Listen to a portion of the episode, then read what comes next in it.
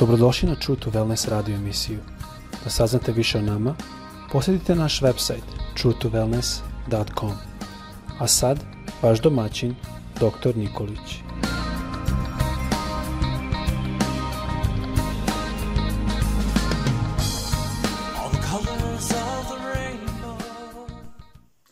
Dragi prijatelji, braćo i sestre, dobar dan. Danas želim da ponovno govorim o opraštanju. Tačnije da postavim pitanje zašto opraštamo? Kada govorimo o oproštenju, tada moramo razumeti da to nije oproštenje samo našim izgovorenim rečima. Opraštam ti.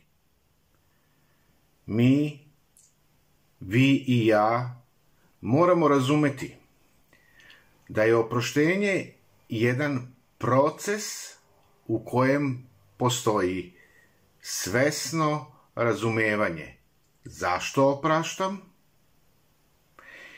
i opasnosti koje će se dogoditi ako ne oprostim. Oproštenje pre svega mora da se dogodi u našim srcima. Kada opraštamo drugome, to ne znači da mi odobravamo njegov ili njen postupak ili sa druge strane opravdavamo ono što nam je on ili ona učinila. Umesto toga, naš oprost, on će osloboditi tu osobu od naše osude. Iako to ona ne zaslužuje. Jer je i nas Isus Hrist oslobodio i oslobađa od njegove osude. Iako to mi ne zaslužujemo. Dalje, važan aspekt u opraštanju jeste da razumemo šta se događa ako ne oprostimo ili ne opraštamo? Šta će se dogoditi? Neopraštanjem mi lično po automatizmu ulazimo u jedno stanje osude onoga koji nas je povredio. I tada se mi postavljamo u jednu poziciju sudije i donosimo svoj sud. I ovo je važno razumevanje zašto opraštamo. Dakle, želim da to opišem na sledeći način. Kada me neko uvredi, kod mene se događa jedno poniženje, bol, koji je prouzrokovao taj uvreditelj svojom uvredom.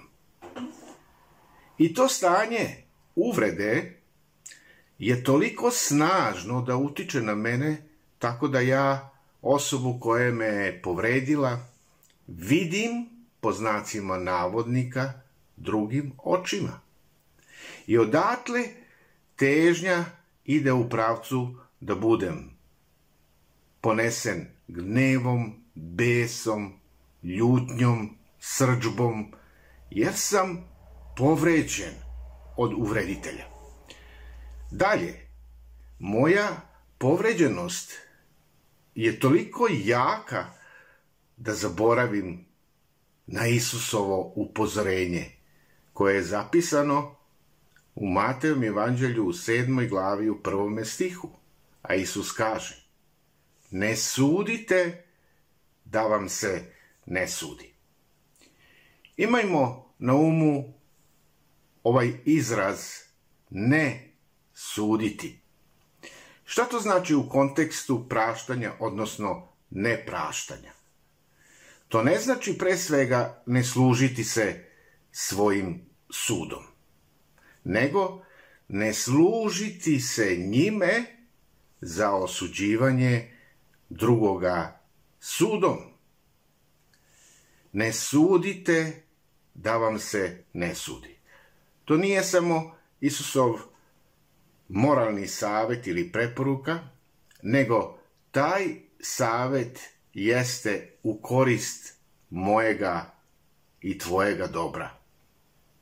Jer ako ne izbegavam suditi ili osuđivati drugoga, a to je stanje jedno neoproštenja, tada neću možda moći izbeći i da sam budem osuđen. Dalje, kako se to u praksi manifestuje? Sve vreme dok ja živim u neoproštenju, u nepraštanju, ja u tom vremenu, u tom periodu osuđujem drugoga. To jest osuđujem tog uvreditelja koji me je uvredio. Tačnije, moj sud je nad uvrediteljem celo vreme. I u takvom stanju ja sigurno ne mogu sebe ni kontrolisati, ne mogu videti sebe, svoje postupke, jer sva moja pažnja, ona je fokusirana na nedostatke tog uvreditelja, to jest drugoga. Jer da je on savršen, on me ne bi uvredio. A činjenica jeste sledeća, da ni on, ni ja nismo savršeni. Zato je važno da Božje oproštenje držimo u svetlu Svetoga pisma. Da mi ne padnemo pod osudu, to jest da ne budemo suđeni, kako Isus kaže. Važan stav dalje u opraštanju jeste da razumemo da i mi imamo naše slabosti i da se setimo Isusove poruke kada govori u obliku slike gde kaže u Matejem evanđelju u sedmoj glavi u trećem stihu što gledaš trun u oku brata svojega, a brvna u oku svome ne opažaš. I na kraju ovog kratkog obraćanja i promišljanja želim dati svoj sledeći zaključak. Zapovest da ne osuđujemo svoga uvreditelja spaja se sa zapovedi da ljubimo ili da ljubim svoje neprijatelje.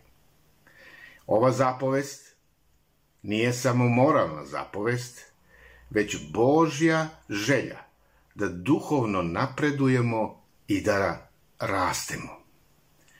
Moja molitva danas jeste da nas Bog čuva i sačuva od opasnosti koja se zove neopraštanje. Hajde da živimo život uvek spremni na praštanje. Jer praštanjem mi imamo, ja i ti, legalno pravo i otvoren put da primimo Božije oproštenje. Amin.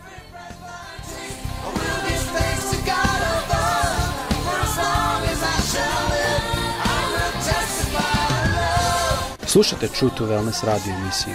Pridružite nam se ponovo svaki utorak, četvrtak i subotu. Za kontakt molimo posjetite naš website truetowellness.com. Naša e-mail adresa je info at truetowellness.com.